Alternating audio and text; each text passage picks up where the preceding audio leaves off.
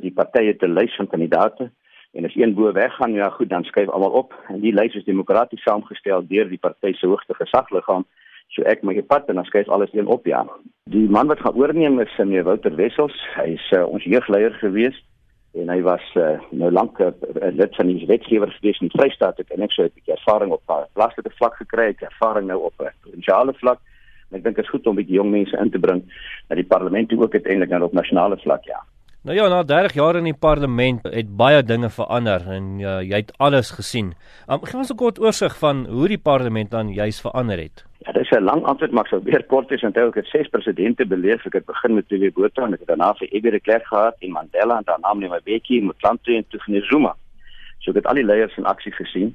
Die parlement het miskien baie meer informeel geword waar hy baie stywer was. Jy weet, jy moes destyds 'n das en 'n baadjie dra ook 'n gas wat daar aangekom het het 'n das gekry en 'n baadjie by die deur as hy nie een het nie. Nou kan jy met plakkies op die galery sit. Die wandelgang was net toeganklik geweest vir parlementslede. Niemand anders mag daar geloop het nie behalwe 'n paar joernaliste. Nou is dit totaal oop en almal kan loop waar hulle wil. Meer informeel dink ek is positief. Ek dink ons het 'n bietjie verloor van die debatsaspek. Ons het die ou dae in die ou volksraadsaal gedebatteer waar ons oorkant mekaar sit en mekaar in die oë kyk en waar jy vanuit jou bank kan jou saakstelling debatteer. Nou in die groot saal praat jy daar voor by die podium en die sprekerslys is voor die tyd bekend, so dis nie kwessie van ek reageer op jou nie.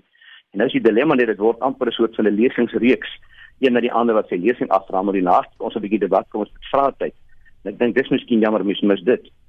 Wat ek dink positief is is die komitees van die parlement is uh, sinvol in die opsig baie mense verstaan sien net die laaste deeltjie van 'n parlementêre proses, naamlik dit wat uitgesaai word. Dan is meestal die besluitneming afgehandel so agter die skerms gebeur dit as jy in die komitee waar ons 12 lede is en waar ons saam sit vir 5 jaar mekaar leer ken. As jy 'n verandering wil bring, moet jy dit daar sou doen en kry dit daar reg om te sê ek dink hierdie ding gaan nie werk nie, kom ons doen so. En daarna as jy hulle oortuig het, word die verandering aangebring, maar niemand weet daarvan nie. En dan gaan dit in die parlement waar ons nou buite is. Ek het nog nooit iemand sien inkom by die stemmery en nou jy hom verander van standpunt nie.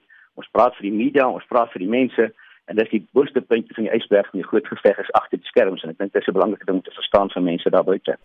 En daar is ook 'n paar politieke gevaarpunte of rooi ligte vir die toekoms waaroor jy bekommerd is. Wel 'n belangrike rooi lig wat vir my is is die hele kwessie van huidige polarisasie in die land. Maar as die meerderheid begin radikaal dink, dan is 'n land in die moeilikheid.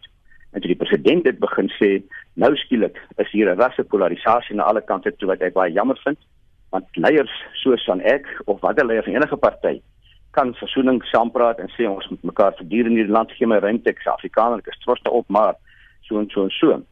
Maar die oomblik as dit daai kan so begin gaan, dan begin jy nou die Engelse tit for tat kry. Nou maak ek so, as jy so sê, sal ek so sê en dan polariseer die land baie vinnig. En ek dink regtig die verhouding is nou baie slegter as dit was in 94 of enige tyd die afgelope 23 jaar. En mens hoop maar 'n nuwe leier na Desember kan dit verander.